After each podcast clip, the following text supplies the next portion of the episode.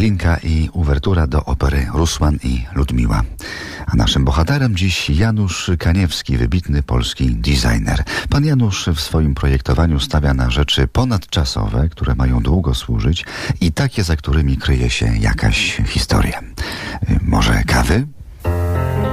Bliskie spotkania RMF Classic, czyli niedzielna kawa w niezwykłym miejscu. Kawa, to na przykład z maszyny zaprojektowanej przez Janusza Kaniewskiego dla Szwedów. Szwedzi, jak wiadomo, nie chodzą do kościoła i ta kawiarka w kształcie kościółka została pomyślana tak, by robiąc kawę i wciskając odpowiednie guziki, każdy Szwed wykonał znak krzyża, robiąc sobie ulubiony napój. Janusz Kaniewski projektuje różne rzeczy, także buty między innymi, ale zaznacza, że na początku były i są najważniejsze do dziś samochody.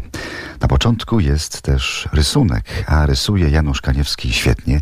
Tu jest dłużnikiem polskich mistrzów, którzy w siermiężnym PRL-u stworzyli szkołę plakatu i ilustracji. Ponieważ nie dało się produkować dobrych i pięknych przedmiotów, bo w czasie, kiedy ja byłem mały i się dopiero uczyłem, to były takie najmroczniejsze lata 80., to jedyną formą wyżycia się dla, dla kogoś o jakiejś wyrobionej estetyce to była grafika, bo to było najtańsze, nie wymagało żadnych specjalnych materiałów. I ja się wychowywałem na ilustracjach takich kilku moich mistrzów, jak Janusz Grabiański, który ilustrował elementarz. I ja nie umiałem tego wtedy jeszcze nazwać, ale czułem, że w tym elementarzu Ala Makota mieszka gdzieś tam, jeździ na wakacje, ale bardzo ładnie są narysowane samochody. No i też takie bardzo przytulne rysunki. Przytulne, ale też warsztatowo bardzo, bardzo tak zagranicznie zrobione. Mi to hmm. jako dzieciakowi bardzo imponowało. Teraz znowu po latach to są takie powroty. Poznałem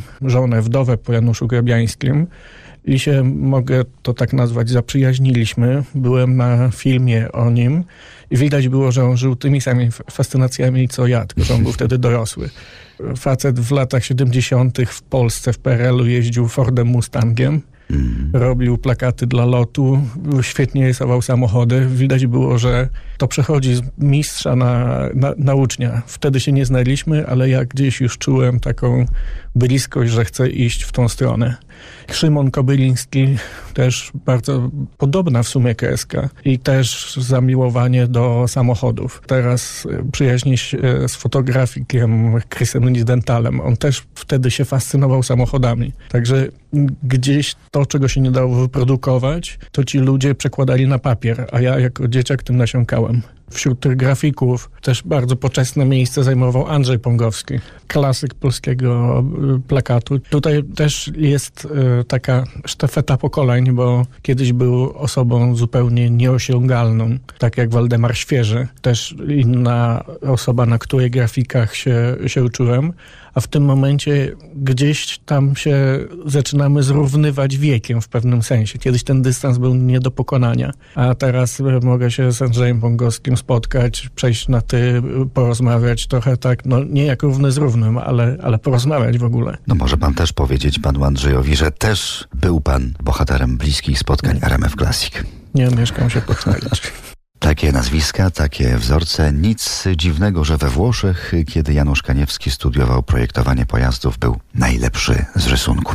Janusz Kaniewski, projektant, za chwilę już o studiach w Italii. Teraz Jesse Cook z gitarą.